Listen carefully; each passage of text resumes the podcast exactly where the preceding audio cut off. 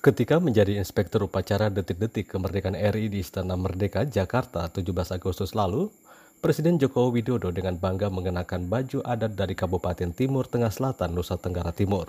Ini kain tenun dengan motif berantai kaib nun kolo, papar Jokowi dalam akun Instagram. Motifnya dimodifikasi dari bentuk belah ketupat dengan batang tengah yang berarti sumber air. Bagian pinggirnya yang seperti bergerigi melambangkan wilayah berbukit dan berkelok-kelok. Ujarnya kepada wartawan di Istana Merdeka. Demikianlah adanya kondisi alam di mana masyarakat adat Bisipaye yang menghuni desa Linam Nutu, Amanuban Selatan, Kabupaten Timur Tengah Selatan, Nusa Tenggara Timur. Ironisnya, sehari setelah baju adat mereka dikenakan presiden di acara bergensi itu, masyarakat adat Bisipai justru menghadapi tindakan represif dari polisi dan pamung praja Pemprov NTT. Kepada VOA, Sekretaris Jenderal Aman Ruka Sembulinggi hari Rabu 19 Agustus menyatakan, Aksi sepihak Pemprov NTT yang menghancurkan pondok-pondok milik warga merupakan bentuk pengingkaran terhadap hak konstitusional masyarakat adat yang telah diatur dalam Pasal 18B ayat 2 dan Pasal 28I ayat 3 Undang-Undang Dasar 1945. Kekerasan yang dialami oleh masyarakat adat bisa pae termasuk perlakuan yang sangat tidak manusiawi terhadap perempuan dan anak. Ini menunjukkan negara tidak hanya gagal menjalankan kewajibannya untuk memenuhi hak hak masyarakat adat, tetapi juga menunjukkan watak otoritarian dari rejim yang berkuasa hari ini.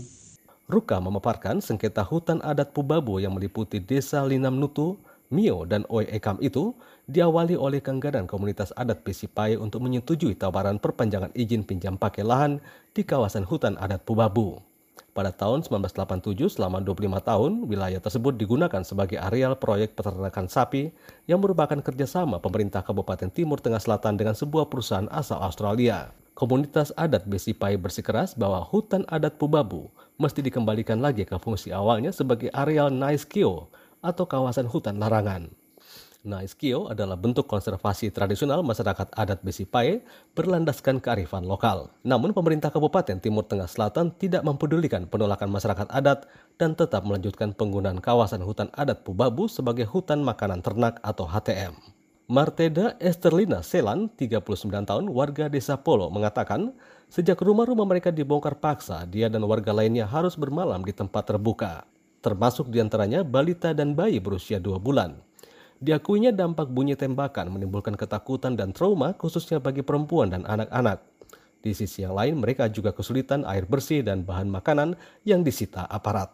Dalam satu hari ini kami makan satu kali karena makanannya terbatas karena makanan kami jagung, beras, padi dibawa oleh Pemprov NTT Satpol PP jadi kami tidak tahu bawa ke mana. Ujar Marteda dengan lirih.